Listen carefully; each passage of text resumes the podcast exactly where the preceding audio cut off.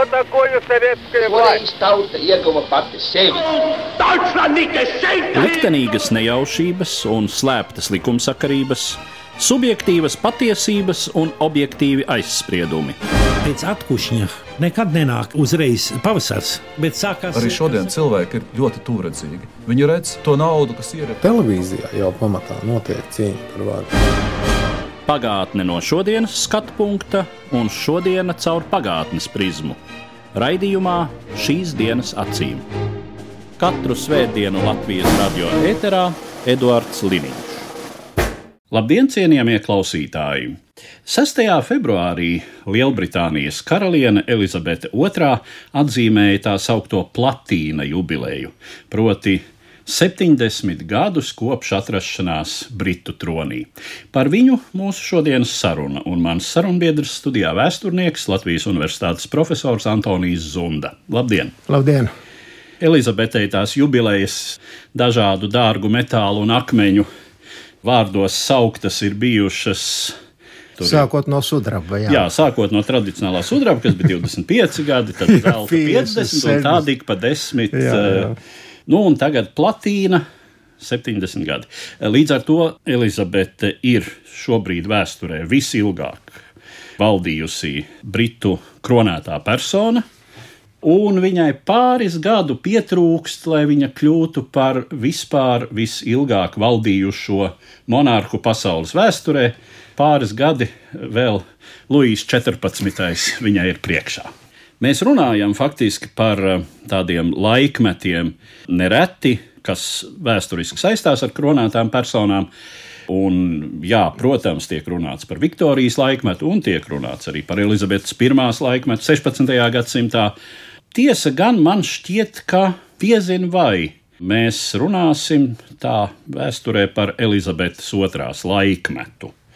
Protams, jā, viņas valdīšanas laiks, bet šis laiks ir bijis ļoti raips. Mēs nevaram runāt par Elizabetes II laikmetu, tā kā mēs runājam par Viktorijas laikmetu, kad šim laikmetam ir apmēram viens noskaņojums, apmēram viena tendence. Elizabetes valdīšanas laikā ir noticis milzums pārmaiņu Lielbritānijai. Varbūt ar to es arī gribētu sākt. Nu, kāda ir Lielbritānija brīdī, kad 1952. gadā Elizabete kāpīja tronī? Ja mēs tā īsi runājam, tad uh, 50. gada sākumā, konkrēti 1952. gadā, kad uh, Elizabete II kļūs par britu monarhu, situācija sekojoša. Tātad septiņi gadi atpakaļ beidzies Otrais pasaules karš. Anglija tajā bija ļoti nopietni iesaistīta. Viņa necieta liels cilvēku zaudējumus, salīdzinot Pirmo pasaules karu, bija daudz mazāk, bet ekonomiskie zaudējumi bija diemžēl ievērojami. Bet vēl ievērojamāk bija šīs politiskās ietekmes zudums, kaut arī viņa bija valsts uzvarētāja. 1947. gadā Britu impērija apliecināja savu vājumu, sabrukumu sākumu, jo no tās izstājās un aizgāja projām Indiju un Pakistānu. Un tajā laikā daudzi Anglijā politiķi un arī sabiedrība kopumā bija ļoti satraukti, kāds būs tālākais Anglijas ceļš. Tātad Anglijas tā laika vadītāja, konkrēti Leiboristu valdība, Klimants Eklīs, kas bija pie varas Anglijā no 1945. līdz 1951. gadam, uzskatīja, ka viens no svarīgākajiem tādiem uzdevumiem pēckara periodā līdzās ekonomikas atjaunošanai, sabiedrības stabilizācijai, labklājības palielināšanai, valsts atjaunošanai galu galā ir arī šis dekolonizācijas process. 50. gadu sākumā skaidri iezīmēsiet kā divi ceļi Britu sabiedrībā šo diskusiju rezultātā, jo bija skaidrs, ka impērija kā tāda vairs nevar pastāvēt. Visas bijušās kolonijas pieprasa sev neatkarību. Pasaules impērijas jūka un brūka process kā ar Angliju.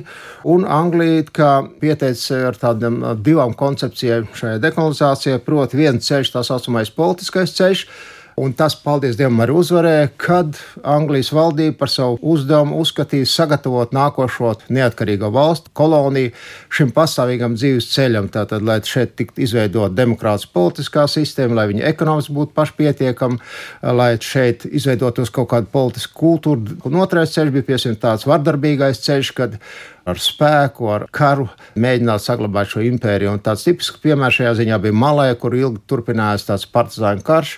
Tas vairāk varbūt nav saistīts daudz ar Malē pašu, bet ar to, ka šeit bija Ķīnas un PSRS ietekme. Elizabete 52. gadā, 6. februārī kļūstot par karalieni pēc savu tēvu un Džordža sastāvnās, arī aktīvi iekļāvās šajā procesā. Vajadzētu atzīmēt to, ka kaut arī viņai pēc angļu likumdošanas jau tajā laikā nav politiskās varas ar savu morālā autoritāte, Britu monarhijas tradīcija, viņi varēja šo procesu ietekmēt. Un tāds pirmais spilgtais piemērs, kad viņa ietekmēja šo dekolonizācijas procesu, bija saistīts ar Suēdzes krīzi 1956. gadā, kad Lielbritānijas tā laika vadītājs Antonijs Īdens kopā ar Franciju un Izraelu izlēma, ka neļaus kontrolēt Eģiptē šo Suēdzes kanālu un uzsākt tādu militāru ofensīvu pret Eģipti. Un karaliene zināmā mērā nosodīja un kritizēja šo lēmumu, un vēl jau pie 7. gadā, tātad ļoti īsu laiku būdams valdības vadītājs, Antonijs Īdens arī atkāpās no premjera amata tieši šīs neveiksmes dēļ. Tas bija tāds pirmais lielākais šķērslis, varbūt, Britu dekolonizācijas procesā, kas atstāja tāds iekšpolitikas seks Anglijā, un, un kurā bija iesaistīta arī karaliene. Varbūt karaliene bija iesaistīta šajā procesā tādā veidā, ka viņa uzskatīja, ka turpmāk nozīmēt premjeru vajadzētu veidot kaut kādu plašāku komisiju, iesaistīt plašāks politiskos spēks, varbūt pat daļai ne tikai politiskās partijas, bet arī sabiedrību, lai nepieļautu tādu kļūdu, kā tas bija piesim ar Īdenu, kas iesaistīja Angliju šajā krīzē Eģipte un kas tikai kā Anglijas karaliene tā laika Elizabete uzskatīja grāva Britu statusu, nevis cēla viņu pasaulē kopumā.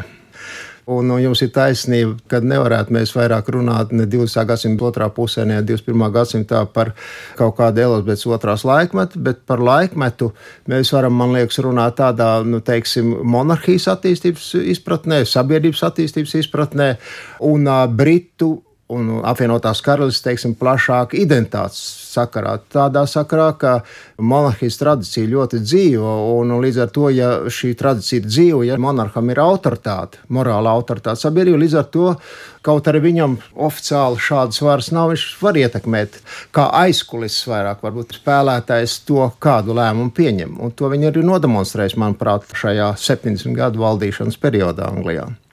Vēl atgriežoties pie dekolonizācijas un Lielbritānijas attiecībām ar bijušajām kolonijām, šeit, protams, arī karalienei ir visai nozīmīga loma, jo vairākās bijušajās kolonijās joprojām viņa saglabā valsts galvas statusu.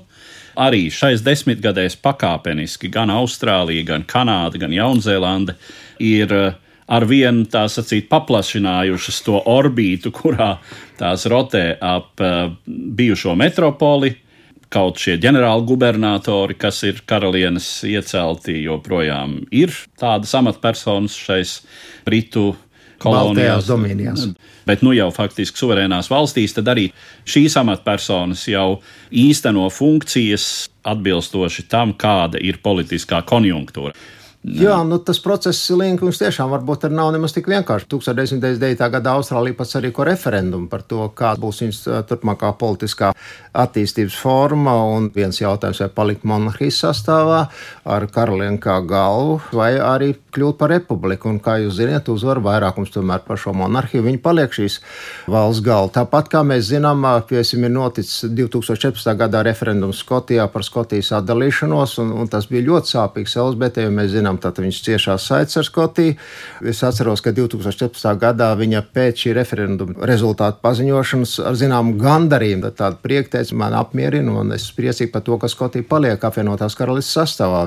Man liekas, Karolīnas Elizabetes otrās stiprā pusi tā, ka viņa ir spējusi adaptēties varbūt tajā situācijai, ka viņa nav sastingusi kaut kādās viduslaika tradīcijās, bet tieši otrādi, ka viņa ir elastīga, ka viņa spēja uztvert šo laikmeta garu, tendences, problēmas un attiecīgi ar to reaģēt. To viņa apliecinājusi, man liekas, vairāk kārt gan attiecībā uz šo dekolonizācijas procesu, gan attiecībā uz vidas problēmām, attiecībā par cilvēktiesībām, demokrātiem.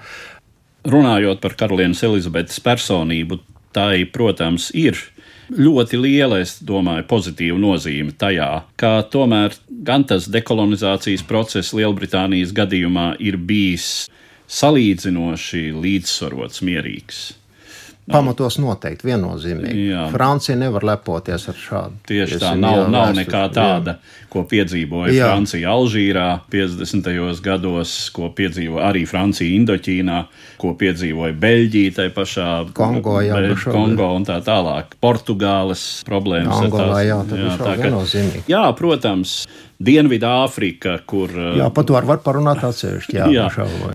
kur ir vienkārši valsts etniskā un rasu sastāva problēmas un vēsturiski izveidojusies problemātiska situācija, kura ne tik daudz izrietēja no metropoles koloniju attiecībām, cik no situācijas pašā, Pašā Dienvidāfrikā, Dien. Dienvidāfrikas republikā un arī kaimiņos esošajā Rodēzijā.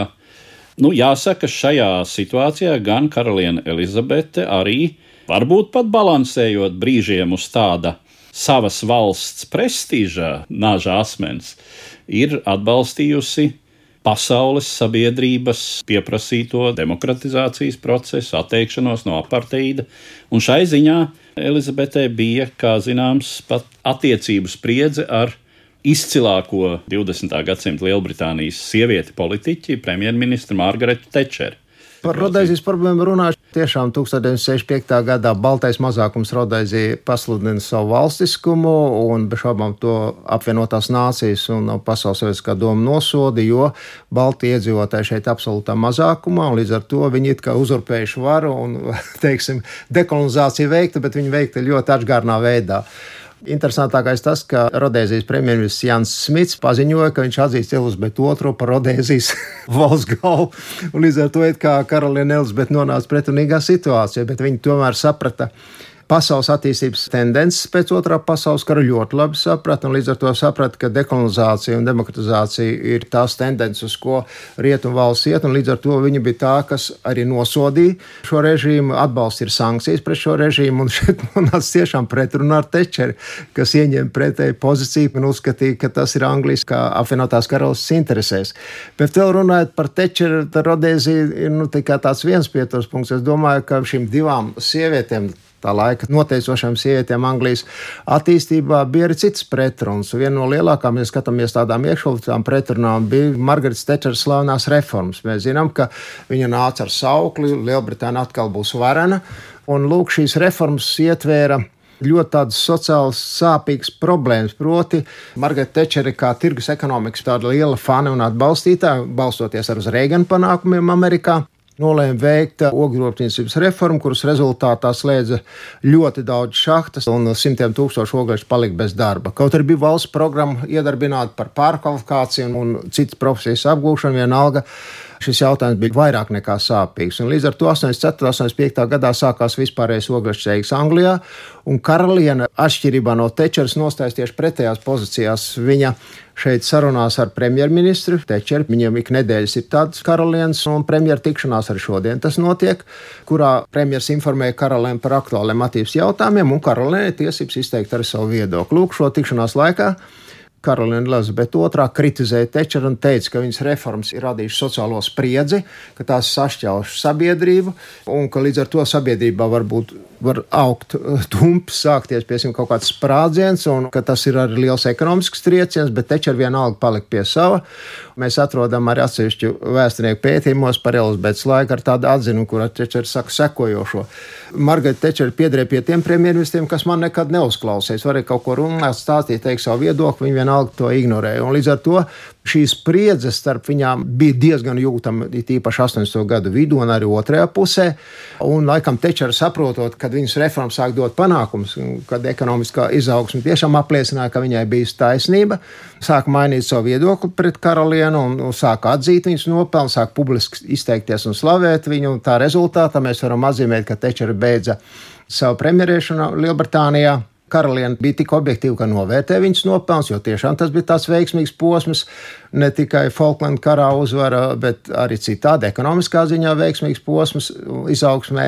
Un piešķīra viņai apbalvojums, ieceļot viņu bruņinieku kārtā, tādu bikšu lenču ordeni un to ordeni par nopelnu, kas ir ļoti augsts apbalvojums. Jo neviens negaidīja to, ka karaliene, ņemot vērā šo spriedzi, viņa starpā varētu spērt šādu soli. Tā kā tas arī apliecināja karalienes Elizabetes otrās, teiksim, talantu zinām. Ka tādā veidā viņa spēra šo soli un apliecināja šo izlīgumu, tādā veidā viņa apliecināja tādu it kā vienotību, nevis šķelšanos, tur pretimstāvēšanu. Viņa vispār karu pretinieci, jo, kad Tonijs Blērs iesaisties līdz karā, viņa tīpaši Irākā, tad viņa sauca šajās iknedēļas sarunās un teica, ka viņa neatbalsta to, ka viņa uzskata, ka Lielbritānijai nevajag tā tad iesaistīties militārās avantūrās, ka viņa vairāk nav impērija, kāda viņa bija līdz Pirmajam pasaules karam.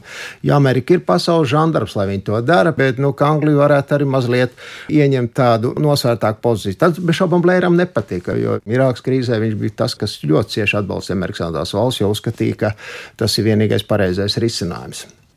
Runājot par Elizabetes laiku, tāds krīzes moments Britu karaļnamam un Britu monarhijai kopumā tie ir 90. gadi. Viennozīmīgi, jā.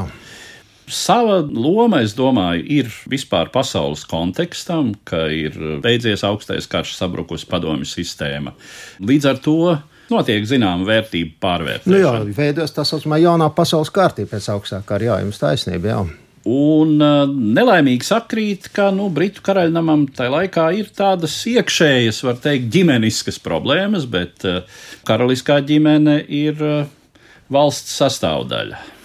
Jā, nu, ja mēs runājam par 90 gadiem, varbūt tas sākās pat 80 gadu beigās jau, ka monarhija pārdzīvo zināmas grūtības. Atsevišķi pētījumi pat saka, ka tā ir tāda monarhijas krīze. Jo nekad līdz šim, līdz šiem 80 gadu beigām, 90 gadu sākumam, Britu monarhija un arī karaliene netika tik ļoti kritizēta. Presa viņai nepievērsa tik lielu uzmanību. Tātad katram viņas solim, un tīpaši viņas ģimenes locekļu soļiem, un karaliene to ļoti izjūt, jo viņas popularitāte kritās un viņa pat atļāvās vērtēt 1902. gadu, nosaukt viņu par briesmīgo gadu. Un tad viņa arī uzskaitīja tos notikumus, kāpēc viņa šādā veidā varētu teikt, ka 1902. gads bija briesmīgais gads. Pirmkārt, viss vairāk vai mazāk saistījās ar iekšējām monarhijas problēmām. 92. gadā publiski presa sāka runāt par to, ka princese Diana un, un princis Čāls nesatiek un ka ir iespējama šķiršanās. Bet Karaliene šajā procesā centās iesaistīt, iesaistīt pat baznīcu, premjeru. Tad notika konsultācijas, viņa pat rakstīja vēstuli, bet tas viss beidzās ar to, ka Čāls un Diana izšķīrās.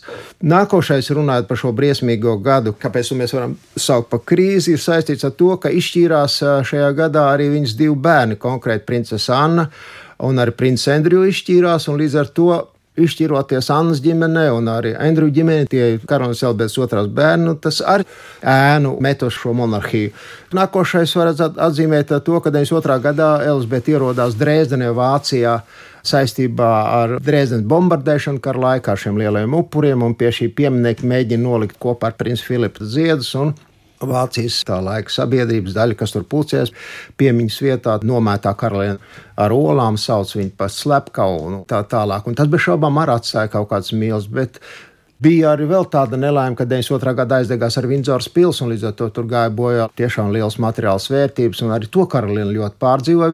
Un presa sāk pievērst uzmanību šajā pašā 90. gada sākumā, arī 92. gadā sakarā ar šīm problēmām ģimenē un ar šo monarhijas ģimenes locekļu uzvedību sāk pievērst uzmanību arī finansiālām problēmām. Sāk runāt par to, ka 20. gadsimta beigās Britu impērijā monarhija jau ir kā tāds arhaisms, kas patērē ļoti lielus līdzekļus, vai tas ir liederīgi. Un Karaliene pat atzīmē to, ka 90. gada sākumā tiešām Britu sabiedrībā, sabiedriskajā domā aktualizējās šīs republikānisma tendences ka arī Anglijai vajadzētu atteikties no monarhijas laiks un pāriet tātad uz citu politisko iekārtu. Tad bez šaubām kopumā neveicināja karaļnam autoritāti, arī Elizabetes autoritāti, un viņa pat savā pārunās ar premjeru, tiekoties ar cilvēkiem, teica to, ka viņa jau saprot, ka arī monarhiju var kritizēt kā arī viņa nav sastingusi Britu politiskās sistēmas sastāvdaļa, bet pēc viņam domām šai kritikai vajadzētu būt pozitīvākai, elastīgākai, dialoga formā, nevis ka viņai lej tur virsū dubļus par to, ka viņa tērē valsts naudu,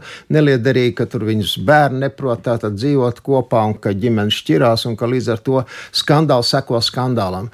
Tiešām, ja salīdzina 50. gadus, kad bija liels pacēlums, kad 52. gadā kronēšanas process, ko skatījās vairāk kā 20 miljonu cilvēku 52. gada jūnijā, šīs vizītes viņa gadu laikā ieradās laikam kādās 17 valstīs. Tas viss cēla viņas autoritāti, cēla status sabiedrībā. Viņa bija tiešām kā Lielbritānijas un sadraudzības valstu galva, kas eh, sevi reprezentēja ne tikai Anglijā, bet arī uz ārpusi. Nu, 60. gadi ar šo dekolonizāciju saistīti, tātad ar impērijas transformāciju, kurā arī viņi veiksmīgi diezgan iekļāvās un atrada savu vietu. 70. gadi tātad vēl bija pacēlums saistībā ar to, ka Briti nobalsot par iestāšanos Eiropas ekonomiskā kopienā. Ekonomiskie un sociālie procesi, tīpaši ekonomiskās attīstības rezultāti, liecināja, ka sabrūkot Britu impērijai tuvākais partners un sabiedrotais varētu būt Rietuma Eiropa. Līdz ar to viņi bija par to, ka 73. gadā atbalstītu šo Anglijas iestāšanos Eiropas ekonomisko kopienā, bet sarežģījumi sākās viņa 80. gados, jo 81. gadā pret viņu notika tā saucamie divi atentāti. Vēsturniekam vienu raksturo kā tādu viltus atentātu. Viņiem ir tāda tradīcija, ka viņi rīko tādu Trooping of Colors, tādu zirgu parādu, jo pati Karolīna Elizabete II liela zirgu fani, zirgu sacīkstēm tas saistīts. Nevēl princese Anna, pat viņas meita tad ar bija iesaistījusies šajā sporta veidā ļoti cieši un, un labus rezultātus galvenais ieguva. Un lūk, šī Trooping of Color marša laikā vai zirgu parāds laikā pie Bekingams pils viens jaunietis, 17 gadīgs nelīdzsvarots izšaus sešreiz ar starta pistoli.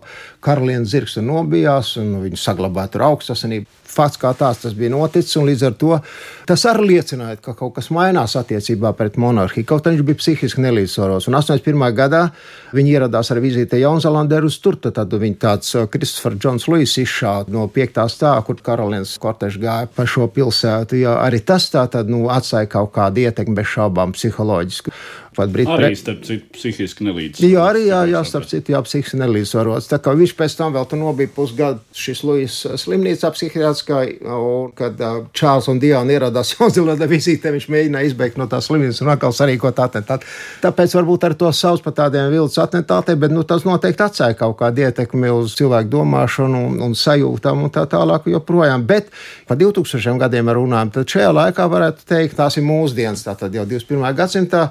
Karalienes Elizabetes II autoritāte ir atkal atgriezusies iepriekšējā līmenī. Aptaujas, kas bija 2006, 7, 16 gadā, liecināja, ka par viņu gatavu balsot, nosacīt, atbalstīt un pozitīvi vērtēt pār par 80-90% cilvēku. Līdz ar to Elizabete II varēja nu, uzelpot un saprast, ka viņi ir iegājis tādā jaunā posmā, teiksim, attiecībā uz monarhijas statusu. Bet arī šajā 21. gadsimtā nu, viņi bija spiest atzīt, ka galvenās problēmas sagādā nevis viņa pati, nevis viņas darbība kustība, bet nu, viņa ģimenes locekļi un kā viens no tādiem spilgtākajiem. Nelaimes putniem, kas viņai atnesa tikai problēmas. Viņas dēls Andrews, kas bija iesaistīts tā saucamā seksa skandālā Amerikas valstīs, jo viņš bija tur sadraudzies ar Jeffrey Epsteinu. Un šis Jeffrijs Epsteins organizēja šo seksu pakalpojumus redzamiem cilvēkiem, un konkrēti parādījās ziņa, ka viņas dēls Andrūds stājies seksuālā sakaros ar nepilngadīgu, un 2019. gadā pat sākās tiesas process, un Karaliene bija spiesta, man liekas, tas bija 2020. gadā, ka viņi noņēma Andrūdu visus titulus, tātad gan militāros, gan arī šos karaļam titulus. Līdz ar to arī mūsdienās viņai problēma sagādā viņas bērnu vai mazbērnu. Un, ja runājam par mazbērniem, tad droši vien lielāko rūkumu viņi piedzīvojas no Prinča Harija. Sasaks Hercogs, kas apprecējās ar Meganu Mārklu un atstāja Lielbritāniju, sniedz intervijas Ofrei Amerikas Savienotās valstīs par to, ka karaļnamā valda rasisms, ka viņš tur jūties kā cietumā, arī tēvs tur jūtas slikti. Tā kā, ja mēs skatāmies tādā septiņu gadu periodā, viņa pat tiešām man šķiet nav pieļauts nekādas lielas kļūdas, kas atstātu kaut kādu ietekmi uz viņas popularitāti, autoritātes statusu sabiedrībā, bet galvenās problēmas viņai sagādājuši šie monarhijas ģimenes locekļi, kas tādā vai citādā statusā bijuši iesaistīti tādā vai citādā skandālā. Aizņemtu vecāku problēma, nav laika pievērsties bērnu audzināšanai, un tad nu kāda izaugt, tāda izaugt. Jā, bet gribētu teikt to, ka karaliene Elizabete II 52. gadā kļūstot par apvienotās karalistes Ziemeļīrijas karaliem, pasludināja varbūt arī publisko sabiedrībā savu viedokli, ka viņa audzinās savus bērnus nevis noslēgti, bet uh, ka viņi būs atvērti sabiedrībai. Tad, tad līdz ar to Čārlis, Anna, Andrew un Edvards Tie negāja kaut kādā Bekingams pilsētas apmācībā vienā skolā, bet viņi tad gāja šajās publiskajās skolās, un bez šaubām arī privātās skolās, viņi nebija atrauti no sabiedrības. Bet laikam tāds ir viņas liktenis, jo, ja tas skatās vēlreiz atkārtoja cauri visiem šiem septiņiem gadiem no viņas puses šādu soļu, kas sagādātu monarhijai kaunu, problēmas tādā sliktā nozīmē nav bijis. Tieši otrādi viņi centusies apliecināt, ka monarhija attīstās, kā jau teicu, mainās, spējīgi adaptēties un ka viņai ir sava vieta Britu identitātē, to apliecināja krīzes pārvarēšana 90. gados saistībā ar šo šausmīgo gadu un kritiku, kas bija vērsta pret viņu, jo cilvēki novērtējuši viņus kā stabilitātes, jauno vērtību, kā demokrātisko tradīciju, kā Anglijas teiksim, noteikta vizītkartes status pasaulē. Kas arī laikam ir galvenais, ko no karaļa mūsdienās var sagaidīt. Laba reputācija, adekvāta rīcība, paraugs pārējai sabiedrībai šai ziņā, jā. Un var piebilst, ka karaliene Elizabete ir labs paraugs arī tai ziņā, ka viņa tiešām pielāgojas jauno laiku tehnoloģijām. Es pieļauju, ka viņa varbūt ir pirmā sieviešu kārtas kronētā persona, kura, piemēram, ir remontējusi automašīnu. jā, nu tas bija, jā, pasaules, nu, tas cits tas bija jā. pasaules kara laikā. Jā, nu, bet Leninkungs jāpasaka, ka viņai nav autovadītāja tiesība. À. izrādās. izrādās. Tad, tad, viņai nav arī pasis, izrādās. Tāpēc, ka pasis izsniedz viņas vārdā. Viņa pati sev nevar izsniegt pasis savā vārdā. Mm. Bet vēl vajadzētu varbūt par vienu lietu pieminēt. Kā mēs zinām, mūsdienās pēdējos divus gadus mēs eh, esam sadurušies ar Covid-19 pandēmiju. Un Covid-19 pandēmija, šis koronavīrus skārs visu pasauli, izsauc liels upurs un tā tālāk. Man gribētu šeit pozitīvā nozīmē atzīmēt arī Karolīnas Elizabetes otrās lomu pandēmijas procesā Lielbritānijā. Konkrēti viņa bija kā tāds paraugs sabiedrībai, kā vajadzētu uzvesties, un šajā sakarā kaut arī viņa izolējās Vinzoras pilī kādu laiku. Viņa bija tā, kas saņēma kopā ar vīru Filipu Pots, gan pirmo, gan otro. Otrais 20. gada aprīlī kad jau pandēmija gāja pilnā sparā vaļā, viņi uzstājas televīzijā ar tādu iedvesmojušu uzrunu, kāds minūtes 15 bija šī uzruna. Neskatoties uz savu vecumu, kā jūs teicāt, spēja adaptēties un saprast, kas ir aktuāli sabiedrībā. Viņi noskatījās miljoniem cilvēku gan sadraudzības valstīs, gan arī pašā apvienotajā karalistē. Un viņi teica, sekojošo, ka mums vajag izturību, mums jāsaglabā izturība, mums jābūt vienotiem, mums jābūt arī optimistiem, jo galu galā arī šo vīrusu, tāpat kā citas problēmas, mēs uzvarēsim kopā. Drīz mēs varēsim tikties ar saviem draugiem, ģimenē un koncentrēsimies uz šo cīņu pret šo vīrusu visi kopā. Un tas atstāja tādu ļoti pozitīvu tādu rezonanci gan sabiedrībā, Britu, gan arī sadraudzības valstīs kopumā. Tā kā viņa, nu, līdzīgi kā savā laikā viņas tēvs uzstāja šādu runu kara laikā, mobilizējot Britus uz kopīgu cīņu pret nacismu Eiropā. Tā kā neskatoties to, ka viņai ļoti cienījams vecums, varbūt arī pašai nav tik laba veselība. Viņa lūk, arī nospēlēja, manuprāt, savu pozitīvu lomu šai pandēmijas smago seku pārvarēšanā sabiedrībā, konsolidējot viņu, apvienojot paužot optimismu un sakot, ka nenokārsim degunu un nezaudēsim seju cilvēcīgumu un tā tālāk. Tas, man liekas, būtu tāds pozitīvi atbalstāms un gaidīsim šajā gadā platīnu jubilejas svinības Lielbritānijā, kas iezīmējas jau februārī, bet kas turpināsies visu gadu. Un šīs svinības būs ļoti interesants, manuprāt, ne tikai ar jauniem pudiņu receptēm, bet arī ar citu visu. Jā. Mēs praktiski nevienu vārdu neveltījām eh, ilgadējam karalienes Elizabetes dzīvesbiedram, princim Filipam, kurš bija viņai līdzās visu mūžu kopš viņu laulībām. Vairāk kā septiņus gadus, jā, viņi septiņus, trīs gadus gandrīz nodzīvoja kopā. Jā. Un pameta šo pasauli pagājušajā gadā. Par viņu visumā var teikt tikai labus vārdus, kā par drošu balstu karalienē viņas uzdevumos un cienījamu personu savā statusā. Mums atliek vien vēlēt karalienei Elizabetei tiešām atlikušo pēc iespējas ilgu un sekmīgu mūža posmu, cik nu viņai būs lemts.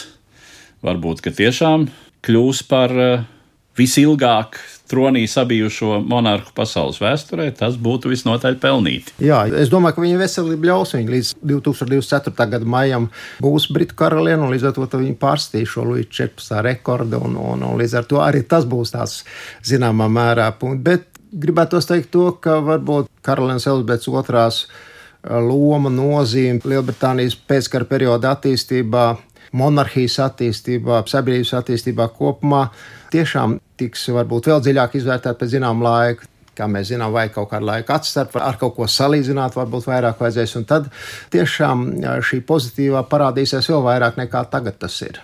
Un tiešām vēlēsim viņai labu veselību un veiksmīgu valdīšanu Anglijā. Ar to es arī noslēdzu mūsu sarunu un saku paldies manam sarunbiedram, Latvijas Universitātes profesoram, vēsturniekam Antonijam Zundam. Katru svētdienu Latvijas radio viens par pagātni sarunājas Eduards Liniņš.